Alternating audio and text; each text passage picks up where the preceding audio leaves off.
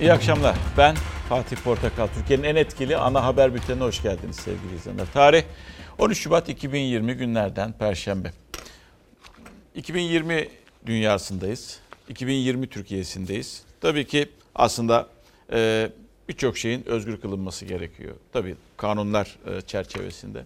Ama bu, bu devirde veya böyle bir ortam içerisinde yasağın olmaması gerekiyor. Hele ki iletişim çağını yaşadığımız bu günlerde, bu yüzyılda e, ve bu yıllarda hiçbir şeyi yasaklasanız dahi erişilmesine e, erişilmesi imkansız gibi değil. Erişilmesi mümkün. Siz yasak getirseniz dahi. İşte tabela bugün nedir? Tabela bugün yasak var. Yasak var da nedir? Peki nereden çıktı? Bir bakan kendisiyle ilgili haberlerden dolayı e, mahkemeye başvurdu ve onun e, erişimine, internet ortamında o haberlere erişimine yasak getirdi.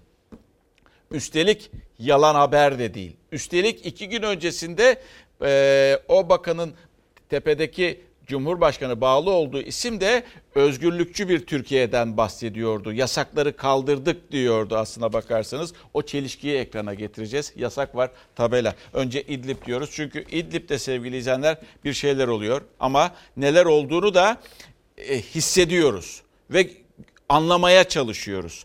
E, Şubat sonuna kadar Erdoğan süre vermişti Esad'a. Tabii orada karşılıklı gerilimler oldu biliyorsunuz. Şehitler verildi. E, Türkiye'nin tavrı diğer taraftan Rusya'nın tavrı derken e, en son Putin ve Erdoğan'ın bir görüşmesi oldu dün. Onun sonrasında normalleşme olacak gibi görünüyor. Cümlelerden bunu anlıyoruz.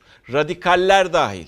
Yani İdlib'deki işte El-Kaide uzantıları da dahil olmak üzere radikaller dahil ateşkese uymayanlara karşı zor kullanılacak. Türkiye'de Hulusi Akar'ın, Savunma Bakanı Hulusi Akar'ın kurduğu bir cümleydi. Aslında bu cümleyi, bu, bu cümle gördükten sonra bu cümleyi o soruyu soruyorsunuz. Peki evvelden Türkiye onlarla mücadele etmiyor mu diye o cümle akla geliyor. Ha, diğer taraftan Rusya ile Amerika Birleşik Devletleri'nin sevgilisi olduk bir anda. Çok seviyorlar bizi.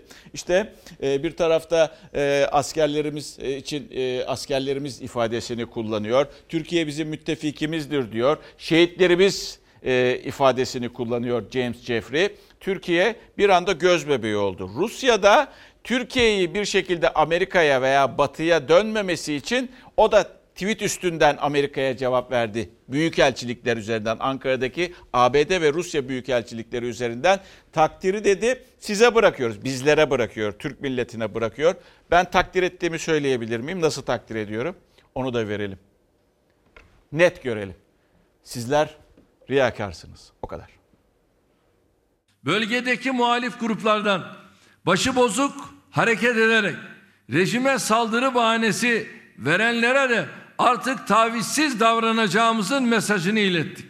Ankara en üst perdeden Esad rejiminin saldırgan tutumunu hedef aldı. Bundan sonra karada, havada ne gerekiyorsa yapacağız resti çekti. İkinci resti de rejimin saldırılarına gerekçe yaptığı teröristlere yükseldi. Erdoğan adını koymadı. Hulusi Akar radikaller dedi. Radikaller dahil ateşkese uymayanlara karşı zor kullanılacak. Her türlü tedbir alınacak. Artık kimsenin taşkınlığına, bağnazlığına, satılmışlığına, provokasyonlarına göz yumacak değiliz. Türkiye ilk kez oradaki radikal grupların davranışlarıyla ilgili böylesine ciddi bir ultimatom veriyor. CHP iktidarın söylemlerine kısa adı HTŞ olan El Nusra uzantısı Heyet Tahrir El Şam'a karşı politika değişikliği adını koydu. Rusya ile diplomasi masasının ilk görüşmelerinden sonuç çıkmadı. Ama Ankara'nın başıbozuk, bağnaz, provokatör dediği teröristler de artık hedefte. Ateşkesi sağlamak ve kalıcı kılmak için ilave birlikler gönderiyoruz. Alanı kontrol edeceğiz. Türkiye'nin farklı birliklerinden sınıra Suriye'ye gitmek üzere askeri sevkiyat sürüyor. Edirne'den gelen 4 obüs şu anda Oğulpınar mevkiinde yola çıkmak için talimat emir bekliyor. Milli Savunma Bakanı Hulusi Akar'ın ilave takviye sözlerinin somut hali. Sınırda hareketlilik arttı. Türkiye'nin batıdaki en uç noktası Edirne'den dahi takviye birlikler geldi. Amaç ateşkesi sağlamak, sivillerin hedef alınmasını ve göçü engellemek. İdlib'e gidecek olan askerlerin top toplanma noktası burası. Şu anda hemen arkamızda çok namlulu roket atar bulunduğu tırdan indiriliyor. Onun hemen yanında Askeri mühimmat taşıyan kamyon var. Yine jeneratör, tank kurtarıcı son hazırlıklarını yapıyor. Ankara Şubat sonuna kadar Esad rejiminin Türkiye'nin gözlem noktalarının dışına kadar çekilmesi için süre verdi. Saha iki gündür sakin görünürken Ankara Amerika ile Rusya'nın diplomatik hamlelerinin ortasında kaldı. Bizim müttefiğimiz Türkiye'nin askerler tehdit karşı karşıya. İdlib krizinin ardından özel temsilci James Jeffrey jet hızıyla ve Türkçe konuşarak Ankara'ya gelmişti. Amerika'nın Ankara Büyükelçiliği Türkiye'nin İdlib operasyonu meşrudur. NATO müttefikimizin yanındayız mesajını Esad, Rusya, İran ve Hizbullah'ı hedef alan bir video ile gözler İdlib'de diyerek paylaşmıştı. Rusya'nın Ankara Büyükelçiliği de sosyal medya üzerinden cevap verdi. Ruslar sayfanın bir yanına Amerika'nın destek mesajlarını, diğer yarısına Amerika Savunma Bakanlığı Pentagon'un YPG PKK'ya 10 bin kişilik birlik için bütçe talebi haberini koydu ve takdiri size bırakıyoruz diyerek Türk kamuoyuna mesajını verdi. İdlib'deki durumun hukuki vaziyeti konusunda sizinle tamamen hemfikiriz. Söz sırası yeniden Amerika cephesine geçti. James Jeffrey Ankara'dan ayrılırken Ruslara Suriye'de sahada yaşanan gerçekleri sosyal medya üzerinden ya da başka yöntemlerle saptırmaya yönelik girişimler işe yaramayacaktır dedi. Çok çok teşekkür ederim. Tweet üzerinden büyükelçilikler Türkiye aşklarını anlatmaya çalışıyorlar. Ee, sosyal medya üzerinden büyükelçilikler aracılığıyla. Meğersem ikisi de çok kıymet veriyormuş bize. Çok da değer veriyorlarmış. Değil. İkisi de aslında kendi çıkarlarını düşünerek o sevgi sözcüklerini kullanıyorlar. Amerika'yı da biliyoruz. Bir taraftan şehitlerimiz diyor James Jeffrey Türkçe olarak ama diğer taraftan da terör örgütü YPG, PKK, YPG'ye de destek veriyor. Diğer taraftan Rusya takdir sizindir diyor. PKK, e, YPG diye de not düşüyor ama Moskova'da YPG'nin bürosunun olduğunu biliyorsunuz. Yani bu şekilde riyakarlar, bu şekilde samimi değiller, doğal değiller ve sadece iğreniyorum bunlardan. Bunların sözlerinden dolayı. Türkiye gerçekten e, yapılması gereken bundan sonra şu iki ülkeye de e, sadece diplomasiyi kullanarak belki kendi çıkarlarını ön plana tutarak, ön planda tutarak her türlü hamlesini yapması. Ama bakınız ikisi de Türkiye'yi amiyane tabirle özür dileyerek söylüyorum kafalamaya çalışıyorlar. Ama ikisinin de ti iki ülkenin de ti aslında ne yapmak istediği aslında belli. Bir dakika Rusya'dan bir açıklama var. O da şu Dışişleri Bakanlığı Rusya'da Türkiye'ye Suriye konusunda provokatif açıklamalardan uzak durma çağrısı yaptı. Bu da gelen son açıklamaydı. Geldik. Ee, Şimdi gündemin önemli başlıklarından biri içimize dönüyoruz. Türkiye'de neler var neler yok onları anlatacağız. Biliyorsunuz bir süredir oradan almam gerekiyor çünkü. Birazcık vaktinizi alacağım. FETÖ'nün siyasi ayağı kim? Kimler? Nedir? Çıkarılsın ortaya ama hala da çıkarılmadı. Bekliyoruz çıkarılmasını. Çıkar, çıkacakmış gibi de görünmüyor açıkçası. İki tarafta FETÖ'nün siyasi ayağı olarak birbirini gösterdi. E, itham ediyorlar öyle. Birisi Erdoğan diyor, birisi Kılıçdaroğlu diyor. Sonunda olay mahkemelik oldu.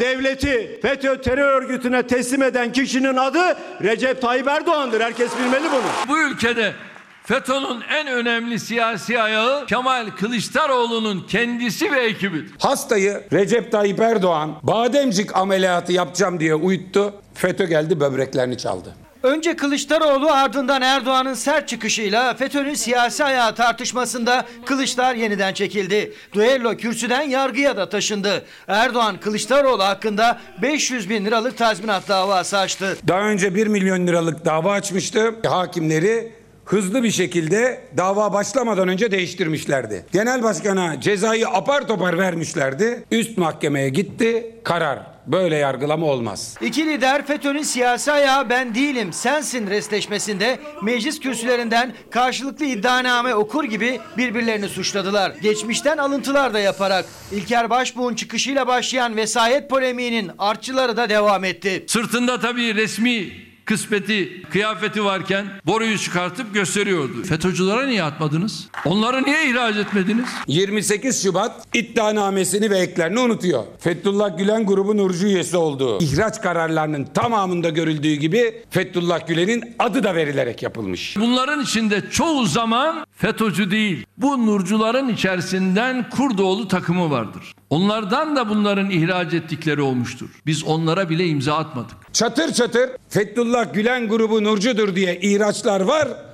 Bunun altına da attıkları böyle nal gibi itiraz imzaları var. Erdoğan'ın FETÖ'cüleri ihraç etmediler sözlerine CHP 28 Şubat davası iddianamesindeki ihraç kararlarıyla cevap verdi. FETÖ'nün siyasi ayağı polemiğinde karşılıklı suçlamalar sorularla daha da büyüdü. FETÖ'nün siyasi ayağı darbe kalkışmasını milletle birlikte durduran mıdır? Kontrollü diyerek darbeyi meşrulaştırmaya çalışan mıdır? 15 Temmuz gecesi siyasi parti liderleri, bakanlar, üst düzey yöneticiler, belediye başkanları neredeydi? Neden HTS kayıtlarını açıklamıyorsunuz? FETÖ'nün siyasi ayağı bu yapıyla canı pahasına mücadele eden midir? Genel başkanlık koltuğu dahil CHP genel merkezini işgal etmiş olan FETÖ'nün ayak takımı mıdır? FETÖ borsasını kimler kurdu? FETÖ borsasını kuranların içinde Recep Tayyip Erdoğan'ın avukatları da var mı? FETÖ soruşturmasını yapan savcılar FETÖ'nün siyasi ayağına girdikten hemen sonra niçin görevlerinden alındılar? Yağmur gibi gelen sorularla hafızalar yeniden tazelendi. Cevaplar için kozlar mahkemede paylaşılacak. Çünkü Erdoğan'dan sonra bir dava hamlesi de Kılıçdaroğlu cephesinden geldi. Avukatı çok korktuk, hodri meydan diyerek sosyal medya hesabından karşı tazminat davası açacaklarını duyurdu. Şimdi tabii ister istemez yani o soruyu soruyorsunuz. Ya tamam evet böyle karşılıklı atışıyorsunuz. Ya bulmak için o zaman harekete geçin. Merak etmiyor musunuz siyasi ayağın kim olduğunu? Tebessüm ettiğime bakmayın. Bende bunun cevabı var ama işte yani ortalıklarda konuşuyoruz zaten. Tamam. Ama siz en azından bir savcıya, bir savcı görev adletsin kendine ve hiçbir siyasi otoriteden de çekinmeden, korkmadan dokunulmazlığı da kaldırın gerçekten ve ardından yürüsün gitsin savcılar. Bunun siyasi ayak ortaya çıksın. Yani milattan öncesi, milattan sonrası diye ya baksın ya en azından toplum öğrensin, bireyler öğrensin. Ve bakınız bu bu çok önemli bir şey. Sizin adım atmanız gerekiyor. En başta iktidar olarak alın yanınıza muhalefette ortaya çıkartın. Biz bunu öğrenmek istiyoruz. Ve bunu böyle e, üstüne basa basa basa basa basa basa e, unutturmaya çalışıyorsunuz. Ama bu unutulacak bir şey de değil. Verin el ele çıkartın ortaya. Yapılır mı? Çok ihtimal vermiyorum. Geldim. Ee, Buran Kuzu çok konuşuluyor. Hala daha konuşulacak. Ee, ve biliyorsunuz o İranlı e, işte Zindaşti denen kişi uyuşturucu taciri işte e, adam öldürme, azmettirme vesaire gibi FETÖ ile e, bağlantısı gibi suçlar var ve bu ki o kişinin tahliye edilmesi için hakimler ve savcılarla konuştuğu ortaya çıktı. Nüfusunu kullandığı, gücünü kullandığı söylendi, söyleniyor. Ve tabii ki ister istemez gündemde olacak. Çünkü kendisi aynı zamanda bir anayasa profesörü, siyasetçi olmayı bırak hukuk adamı. Onu demek istiyorum. Ve kendisi hakkında soruşturma başlatıldı. İfadeye çağrılacak mı? İşte soru da tam burada. Tahliye ediliyor İstanbul'da. İşte o arabasına falan çıktı. Ve işte birileri tahliyede benim sanki dahlim varmış gibi. Zindaşti meselesi Buran Kuzu'nun suçüstü yakalandığı bir mesele. Hakimler diyor ki hakimler bize huzur vermedi. Devamlı bize baskı yaptı. İstifaya davet ediyoruz. Soruşturmalar açılmalıdır. Yargı gereğini yapmalıdır. İranlı uyuşturucu kaçakçısı cinayete azmettirmekle de suçlanan Zindaşti'nin serbest kalması yönünde hakimlere baskı yaptığı iddialarıyla hedefte Burhan Kuzu. Muhalefet gereği yapılmalı diyerek yargıyı işaret etti. Cumhuriyet Gazetesi'nin haberine göre Cumhurbaşkanlığı Hukuk Politikaları Kurulu üyesi Burhan Kuzu ifadeye çağrılabilir. Cumhurbaşkanı bunun baş danışmanı. En baş buna danışıyor. Ne danışıyor? Mahkemeler nasıl baskı altına alınır? Kayırdığın birisi için ne yapmak lazım onu mu danışıyor? Hiçbir hakimi arayıp baskı kurmadım. Ortada bir mahkeme kararı mı var? Yargısız infaz yapmayın. HSK cezaevinden salıverildikten sonra firar eden Zindaşti'nin tahliye kararı ile ilgili müfettiş görevlendirdi. Davayla ilgili hakim ve savcıları dinleyen müfettişlere Burhan Kuzu'nun ismi verildi. İddiaya göre o ifadeler sonrası HSK hazırladığı dosyayı İstanbul Cumhuriyet Başsavcılığına gönderdi. Zindaşti'nin tahliyesi ve baskı iddialarına yönelik soruşturma özel soruşturma bürosuna verildi. Savcılık ifadeye çağırırsa koşa koşa giderim. Tekrar ediyorum. Hiçbir hakime baskı yapmadım. Burhan Kuzu istifa etmiyor. Bir yanlış, bir ayıp. Burhan Kuzu'nun istifası istenmiyor. Bir yanlış, bir ayıp. Muhalefet Burhan Kuzu'nun hakim ve savcılara baskı yaptığı iddialarında takipçi ve ısrarcı. Hala Cumhurbaşkanlığındaki görevinden istifa etmemesini ya da görevden alınmamasını eleştiriyor. Hukuk Politikaları Kurulu üyesi, Cumhurbaşkanı baş danışmanı. Ne diye maaş alıyor çok merak ediyorum. Kötü örnek masası var herhalde orada böyle köşesi. Oturuyor Burhan Kusu ayıbıyla kusuruyla onu gösteriyorlar. Diyorlar ki aman ha hukuk politikalarında bu kötü örnektir. Sakın böyle yapmayın. Burhan Kuzu ise adının özel soruşturma kapsamında olduğu iddialarına sessiz. Gözler artık yargıda. Kuzu'nun ifadeye çağrılıp çağrılmayacağında. Az önce bu FETÖ'nün siyasi ayağı vardı ya tabii ister istemez şimdi Cumhurbaşkanı dinlerken emin olayım diye de arşivi şöyle bir baktım e, telefondan. Buluyorsunuz zaten ama cümleleri tam net söyleyeyim diye bakın şöyle diyor Cumhurbaşkanı 2016 yılında bizim de verilecek hesabımız var. Rabbim de bizi Rabbim bizi de affetsin diyor.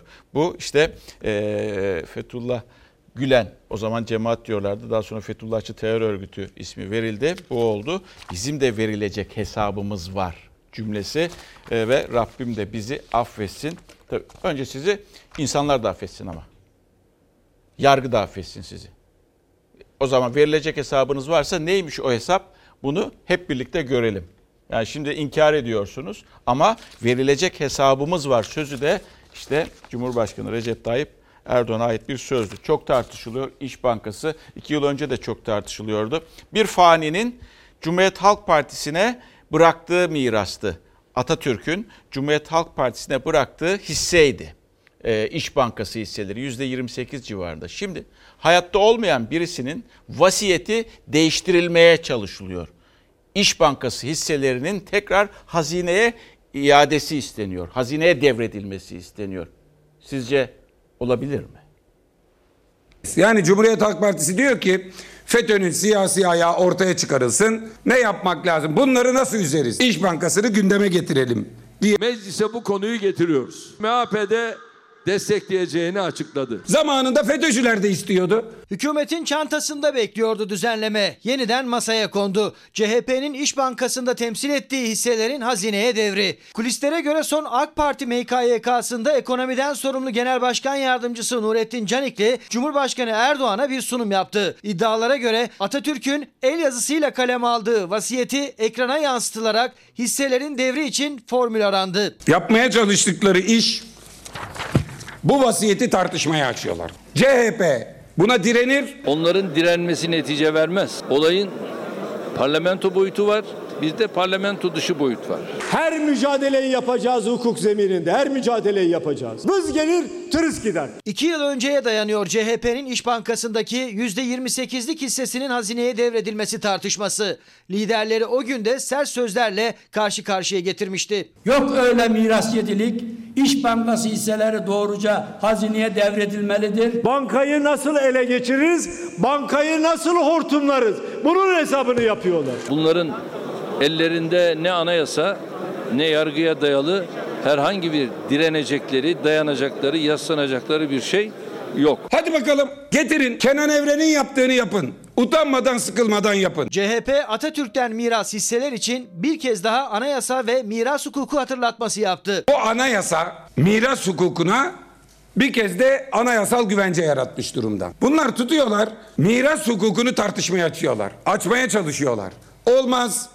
Yargıdan döner. Canikli'nin hazırladığı iddia edilen sunuma göre siyasi partiler yasası uyarınca partilerin bankalarda mal varlığının olamayacağı savunuldu. CHP'nin bu hisseler üzerinden taşınır ve taşınmazlarının zeytinliğinin bulunduğu bilgisi paylaşıldı. Bu vasiyete göre kör kuruş almayız. Türk Dil Kurumu'na ve Tarih Kurumu'na paranın bir kuruşu bir gece bizde durmadan parayı teslim ederiz. Hep böyle yapmışız. Anayasa Mahkemesi'nin de denetimi altındayız bu konuda. Canikli'nin taslağına göre CHP'nin bankadaki yönetim kurulu üyeliklerinin de sonlandırılacağı iddia ediliyor. Erdoğan'ın ise biraz daha üzerinde çalışın talimatı verdiği. Gözler haftaya yapılacak AK Parti MKYK'sında.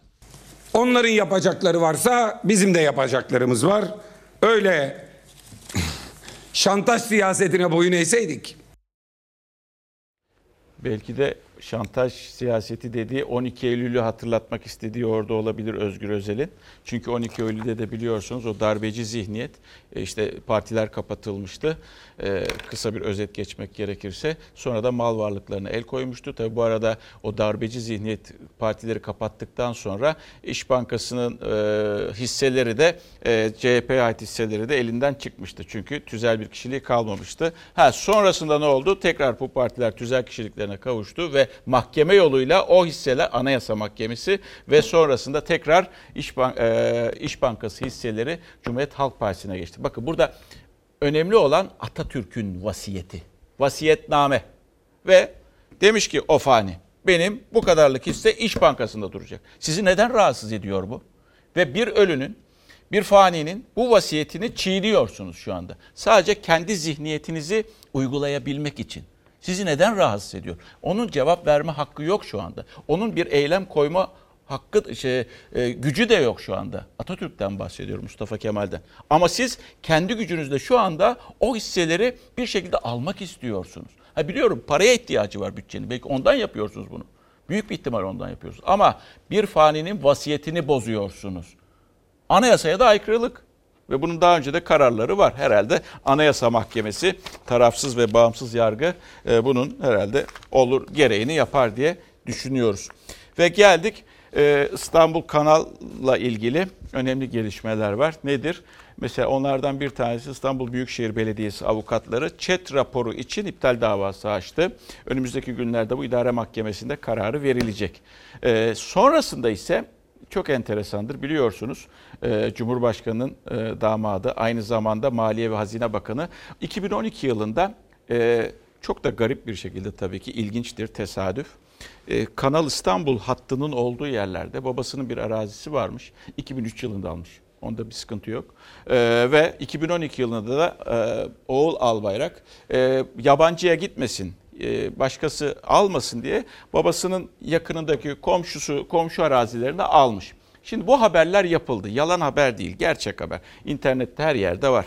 Ve e, satın aldığı haberlerine e, erişim yasağı getirildi. İnternette e, Berat Albayrak arazi satın aldığı Kanal İstanbul çevresindeki haberlere erişim yasağı getirildi. En garip yasak da sevgili izleyenler Leman e, karikatür dergisinin kapağınaydı. Kapakta e, eleştiriliyordu çizgilerle Berat Albayrak e, ve işte o kapak yasaklandı ve o yasaklı kapağı daha iyi anlatmak için biz de onun üstünü bu şekilde mozaikledik. Suya, İstanbul'a dokunma. Haber yasağı koydurması suçüstü halinin itirafıdır.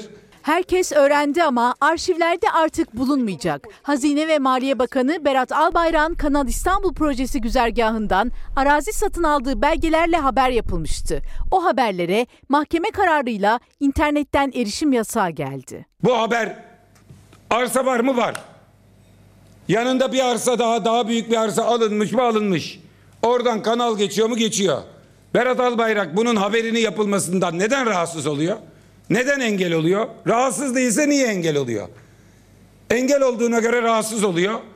E, masum bir iş yapıyorsa niye rahatsız oluyor? Cumhuriyet gazetesinin haberiydi. Habere göre Kanal İstanbul projesi güzergahında Hazine ve Maliye Bakanı Berat Albayrak'ın 13 dönüm arazisi vardı. Berat Albayrak bu araziyi Kanal İstanbul projesi açıklandıktan sonra 2011 yılında almıştı.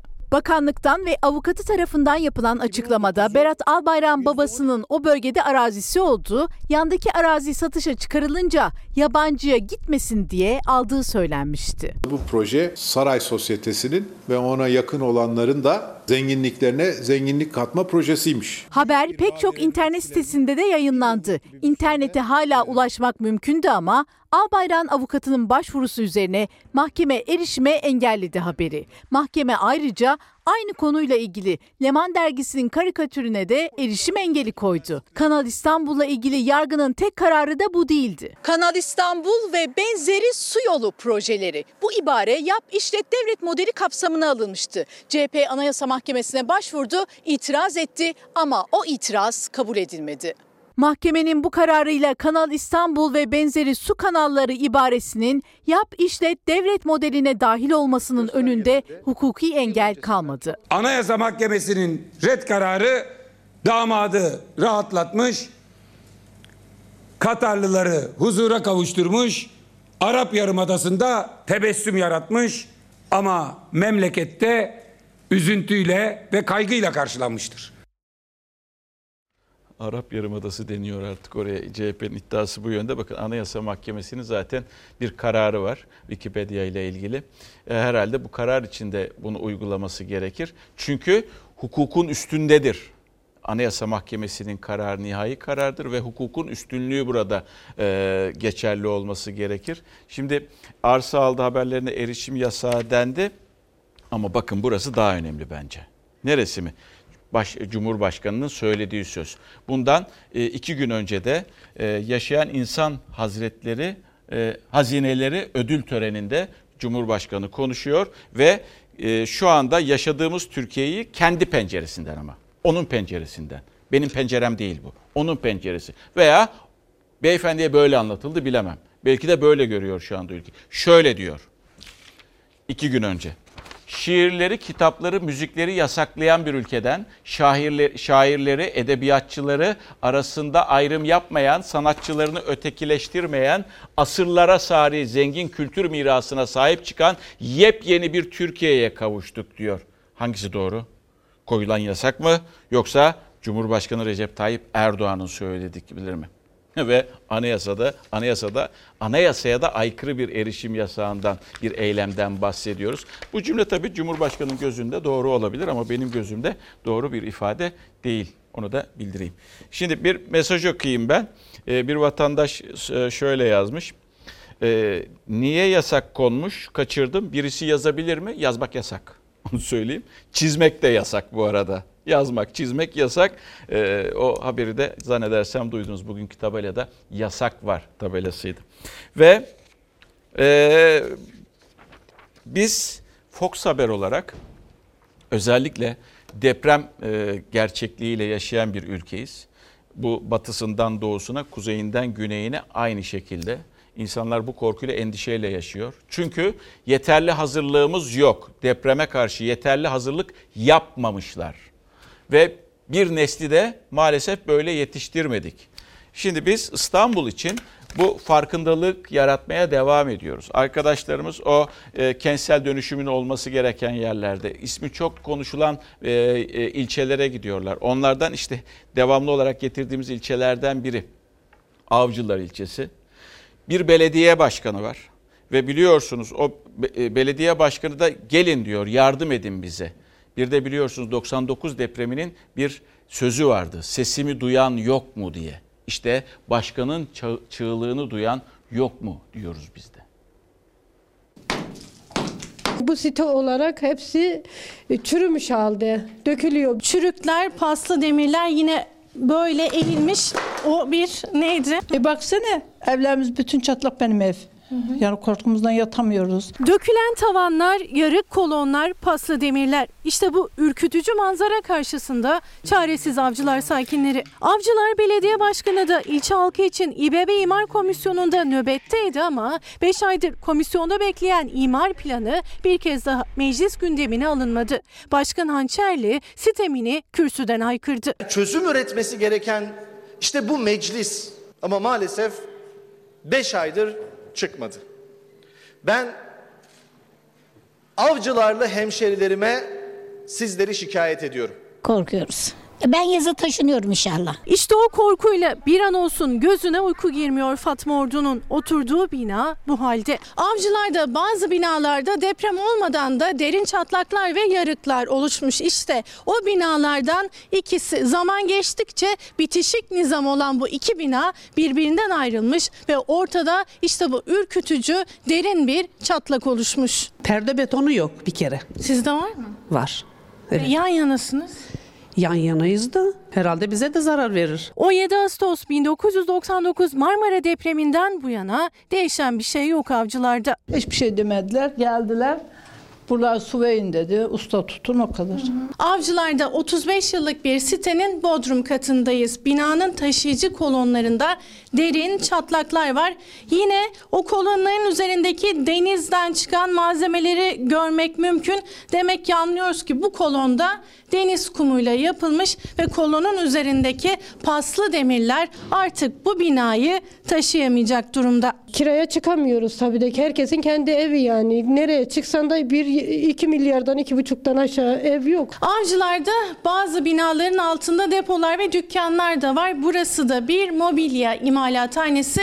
Yine kolonlarda benzer manzaralar çıkıyor karşımıza. Çürükler, paslı demirler yine böyle eğilmiş. O bir neydi?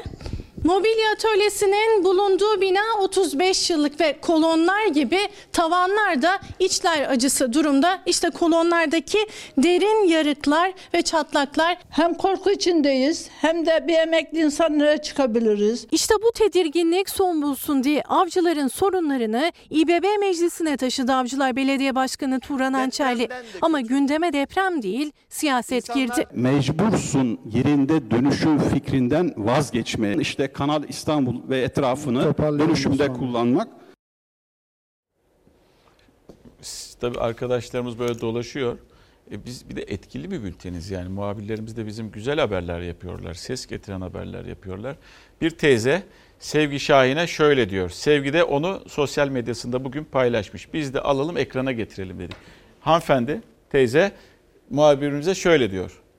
Sevgi yazmış sosyal medyasında. Hasarlı binalarda çekim yapıyoruz avcılarda. Bir teyze kızım ne olur bizimkine de bir bakın. Kontrol edin. Ne durumda siz anlıyorsunuz dedi. Güleyim mi ağlayayım mı bilemedim. İnsanlar bize sarılıyorlar. Çünkü karşılarında bir yetkili, bir çözüm mecrası görmedikleri için veya bir çözüm yeri görmedikleri için biz sadece haber yapıyoruz. Yetkilileri harekete geçirelim diye. Onun dışında yapabileceğimiz başka bir şey yok. Ha duyarlar mı, duymazlar mı? O onların meselesi. Ama aslında hepimizin meselesi. Çünkü o deprem gerçekliğiyle karşılaştığımızda nelerin yaşandığını 99'da gördük, Van'da gördük, e, e, Elazığ'da gördük, Akhisar'da gördük ama hala da hazırlıksızız. Antalya çok konuşulan illerden biri. İddialar var, sorular var ve o sorulara cevaplar da var. Antalya Büyükşehir Belediye'mizden ben göreve geldiğimde 18.046 kişiye yardım gözüküyor. Sosyal kart gözüküyor. Aynı arkadaşları atadım.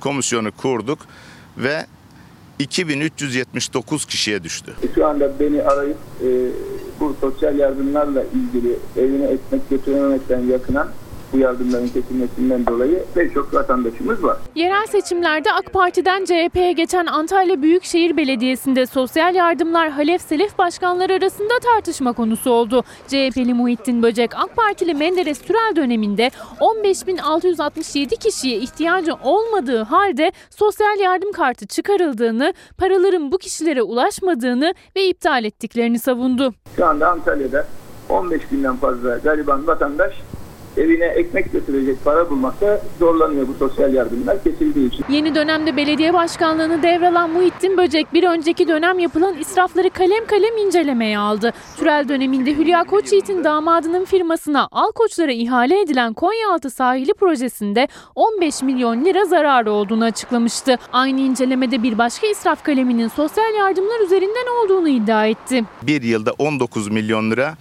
e, oradan da zarara uğratılmış belediyemiz. Ama kime gittiği belli değil. Böcek iddiasına göre Türel döneminde sosyal yardım alan 18.046 kişiden 15.667'si yardıma muhtaç değil. Maddi durumu iyi aileler zaten bu kartları hiç almadılar. Türkiye'de 5. borçlu belediyedir Antalya'mız. İnce eleyip sık dokuyoruz. Sosyal yardımlar ihtiyaç sahibi olan vatandaşlarımız bizim vatandaşlarımızdır. Onlara yardımlarımız sonuna kadar devam edecek. İddialar karşısında eski belediye başkanı Menderes Sürel yardımların haksız yere kesildiğini savundu. Suçlamalar konusunda adresin kendisinin değil, kendi atadığı Sosyal Güvenlik Komisyonu'nun olduğunu söyledi. Bizim bu çalışmalarımız sosyal güvenlik uzmanlarımızın komisyon raporlarıyla tespit edilerek yapıldı. Eğer bir yanlış varsa da o tabii komisyonun onun hesabını vermesi gerekir. Şu anda Antalya'da 15 binden fazla gariban vatandaş evine ekmek götürecek para bulmakta zorlanıyor bu sosyal yardımlar kesildiği için. Ama konserlere, eğlenceye, festivallere istedikleri gibi kaynak buluyorlar. Ama bu garibanların ekmeğini kesmek için de hiç gözlerini kırpmadan gerekeni yapıyorlar. Biliyorsunuz e, dün Cumhurbaşkanı'nın sözü vardı. Ekonomide e, artık iyi gidildiğini söylüyordu. İyi gidilmeye başlandığını söylüyordu aslında bakacak olursanız. Şimdi e, aynı sözler daha doğrusu rakamlar ve oranlar onu değerlendiriyor bizi yönetenler. Ve rakamlar ve oranlar üzerinden iyi gittiğimiz söyleniyor. İşte mesela bu. %8,6'lık artış büyüme trendinin başladığını gösteriyor. Bakın dün de dedim bugün de tekrar ediyorum. Bu oranlar sizin için bir şey ifade ediyordur. Ama sokaktaki vatandaş için ne ifade ediyor? Esnaf için mesela ne ifade ediyor diyecek olursanız aslına bakacak olursanız çok da fazla bir şey ifade etmiyor. Çünkü onlar gerçekliği, ekonomik sıkıntının gerçekliğini yaşıyorlar ve zordalar. Sicil affı istiyorlar. Nasıl gidiyor satışlar? Çok güzel göründüğü gibi bomboş. Borç var mı? Tepeden tırnağa. Ne kadar borcunuz var? Çok var. 7 icra dosyam var zaten. O ve onun gibi borçlu esnaf için teklif MHP'den geldi. MHP Konya Milletvekili Mustafa Kalaycı, batık kredi oranının bir yılda %3,8'den %5,3'e çıktığını hatırlattı. Bankaların kara listesine düşüp işlerini döndüremeyen esnafa, sanayiciye, çiftçiye sicil affı gelmesini istedi. Satış hiç yok. Artık bitti. Dayanacak gücümüz kalmadı. Kapatıyoruz. Hüseyin Gök 20 yıllık esnaf. Satışları neredeyse hiç yok denecek kadar azalınca kredi çekmek zorunda kaldı. Ancak yüksek faiz oranları altında ezildi. Kredi borcunu ödeyemedi. Bu yüzden de bir yıl önce açtığı bu dükkanı kara listeye girmemek için kapatmak zorunda. Mallarını ise yok pahasına satıyor. Borcunuz var mı? Var biraz. Var ödeyeceğiz bir şekilde ödemeye çalışacağız. Ya arabayı satacağız. Binlerce esnaf benzer durumda. Bankalardan yüksek faizle çektikleri kredileri ödeyemediler. Kobi kredilerindeki batık oranı %10'un üstüne çıktı. Ben malları da kredi kartıyla alıyorum. Arkadaşlardan yerine göre borç alıyoruz. Sonra onlara veriyoruz. Borcu toparlayabilmek için kredi çekmek istediğinde red yanıtı alıyor kara listedeki esnaf. Siftahsız gün geçirdikleri için de borçlarını kredisiz eritebilme şansı yok birçoğunun. Şu anda bir siftah yapmışlığımız bile yok. Benim 2-3 tane kredi borcum var. Bunları ödemekte zorlanıyorum. Tekrar bir kredi çekmek istesem çekemiyorum. Yerli üretim satıyoruz genelde. Bizim firmaların hepsi kötü durumda. Aldıkları kredi ödeyemiyorlar. Onlar üretim yapamayınca biz de tabii satış yapamıyoruz, alamıyoruz. Yaşanan sıkıntı sadece esnafı değil, asgari ücretliyi, dar gelirliyi de vurdu. Zamanında ödenmediği için takibe düşen toplam kredi tutarı 2018 yılında 96 milyar 600 milyon liraydı. 2019 yılının sonunda 150 milyar lirayı aştı. MHP Konya Milletvekili Mustafa Kalaycı'nın teklif ettiği sicil affı hayata geçerse en azından yeniden kredi çekme imkanı umut olacak kara listedeki borçlulara. Zaten o listedeydik de zor çıktık. Borcu borçla kapatıyoruz. O bankadan alıyoruz ona çekiyoruz. O bankadan alıyoruz onu kapatıyoruz. Cebimde iki tane, üç tane kredi kartı borçları var. Asgari ücretle çalıştığımız için ödeyemiyoruz. Kredi de çektik, kredi kartı da kullanıyorum. Yetmiyor yani. Bir yerden alıp bir yeri kapatmaya çalışıyoruz ama sürekli hep bir açığımız var. Aslında bu sözün sağlamasının sokakta olması gerekir. Yani bu sözün gerçekliğinin sokağa yansıması gerekir. %8,6'lık artış büyüme trendinin başladığını gösteriyor. Bu kadar güzel konuşuyorsunuz, süslü cümleler kuruyorsunuz. Peki sicil affı neden gündeme tekrar getiriliyor? Bu aslında ekonomik sıkıntının olduğunu gösteriyor. Bu kadar güzel cümleler kuruyorsunuz, fiyakalı cümleler kuruyorsunuz. Bunun sokakta bir yansıması, olumlu yansıması oluştu, olması gerekir. Dün çiftçiyi getirdik. Bugün esnafı getiriyoruz. Yarın başkasını getireceğiz. Ve ekonomik sıkıntıda her ekonomik sıkıntıda olduğu gibi fatura asgari ücretli, faturayı asgari ücretli ve dar gelirliler ödüyor. Buna da şahit oluyoruz sevgili izleyenler. Ve benim hikayemde Nazlı bu sefer hani bir zamanlar vardı ya birkaç yıl öncesinde kentten köyünüze geri dönüm projesi vardı. Özellikle İstanbul'da uygulanmak istiyordu bu. Ama bugün geldiğimiz noktada şehirden köye gidenler tekrar köyden şehire geliyorlar. Ben Ankara'da otobüs tamircisiydim. Açtı'da iş yerim vardı. Kapattım. Köye döndüm. Döndük ama hiç umduğumuzu bulamadık. Ve şu an eee, gördüğünüz gibi ahır boş. Kendine yeni bir kapı açmak istedi. 2016'da Tarım Bakanlığı'nın köye dönüş çağrısını duydu televizyondan ve tamam dedi. Soluğu memleketinde Kırşehir'de aldı. Tarım İl Müdürlüğü'ne gitti başvurdu. Ama başvurular arasından seçilemedi. Vahit seçilmiş. Çıktığı yoldan dönmedi. Ziraat Bankası'ndan 120 bin lira kredi çekti. Köyünde besiciliğe boş duran tarlasını sürmeye başladı. Yani geldik çiftçilik yapıyoruz. Mazota yetişemiyoruz. Gübreye yetişemiyoruz. Yani hayvancılığa başladık bu ithal ithal ithal. İthalden dolayı kendi yerli ineklerimiz, yerli danalarımız para etmedi. O zaman daimin geldiği 2016-2017 yılında yemin torbası 38 lira 40 liraydı. Şu an 90 lira yemin torbası. 2000 yılında 24 milyona dayanan köy ve belde nüfusu 2019'da 6 milyona düştü. Vahit Seçilmiş'in kendi gibi yeğeni de hem kente göçü tersine çevirmek hem de daha rahat yaşamak için dayısından 3 yıl önce köyüne dönmüştü Ankara'dan. Ama döviz yükseldi. Girdilerine zam gelmeye başladı. Yemiydi, samanıydı, iğnesi, ilacı, veterineri derken biz geçen yıl biraz şey yaptık. Ee, sıkıntıya girdik. Sıkıntıya girince aldığımız ineklerin geri 7-8 tanesini geri satmak zorunda kaldık. Nereye gitti 8 ineğin parası? Kredi ödedim. İki yıl öncesinde bıza doğduğunda bir, bir buçuk aylıkken 5 bin lira falan fiyat vardı. İki senedir bu euro dolar çıkınca şimdi ineğin kendisi 5 bin lira etmiyor. Ya buraya geri boşaltmak zorunda kaldık. Boşalttık. Şimdi 13 ineğimiz kaldı. Onlar da öbür diğer ahırda. Artık bi- artık bilmiyorum yani Nisan'da yine ödeme var bizim 25 bin lira. Var mı 25 liranız cepte? Yok. E ne yapacaksınız? İki inekten mi satacaksınız? Mecbur bakacağız çaresine. Hep kredi, borç, e, piyasadan aldığın para kazanmıyorsun şu an yani. Çiftçilikte para kazanamıyorsun. Karınız yok mu hiç? Şu an karımız yok. Hiç mi yok? Şu an hiç yok. Ya şu an bir de şey için yapılıyor bu çiftçilikte, hayvancılıkta. Yani bu, bunu bir tek ben hani bu yeni köye yeni geldi. Hani işi bilmiyor falan diye değil. Hani bunu bütün yapan herkese sorun. Şu an herkes yapacak başka iş yok çünkü adam. Kırşehir'in Kaman ilçesine bağlı Kırkhaneli Tepeköy'ün en genç iki üreticisi kentten köye dönüş yapan dayı yiyen. Büyük hayallerle geldiler ama şimdi dönmeyi düşünüyorlar. Üstelik elleri kolları erzaklarla dolu değil, sırtlarındaki borç yüküyle. İneğimi çoğaltsam hani mandıramı büyütsem şey yapsam hiç özlemem. Ama şu anda gerçekten Ankara'yı arıyorum yani.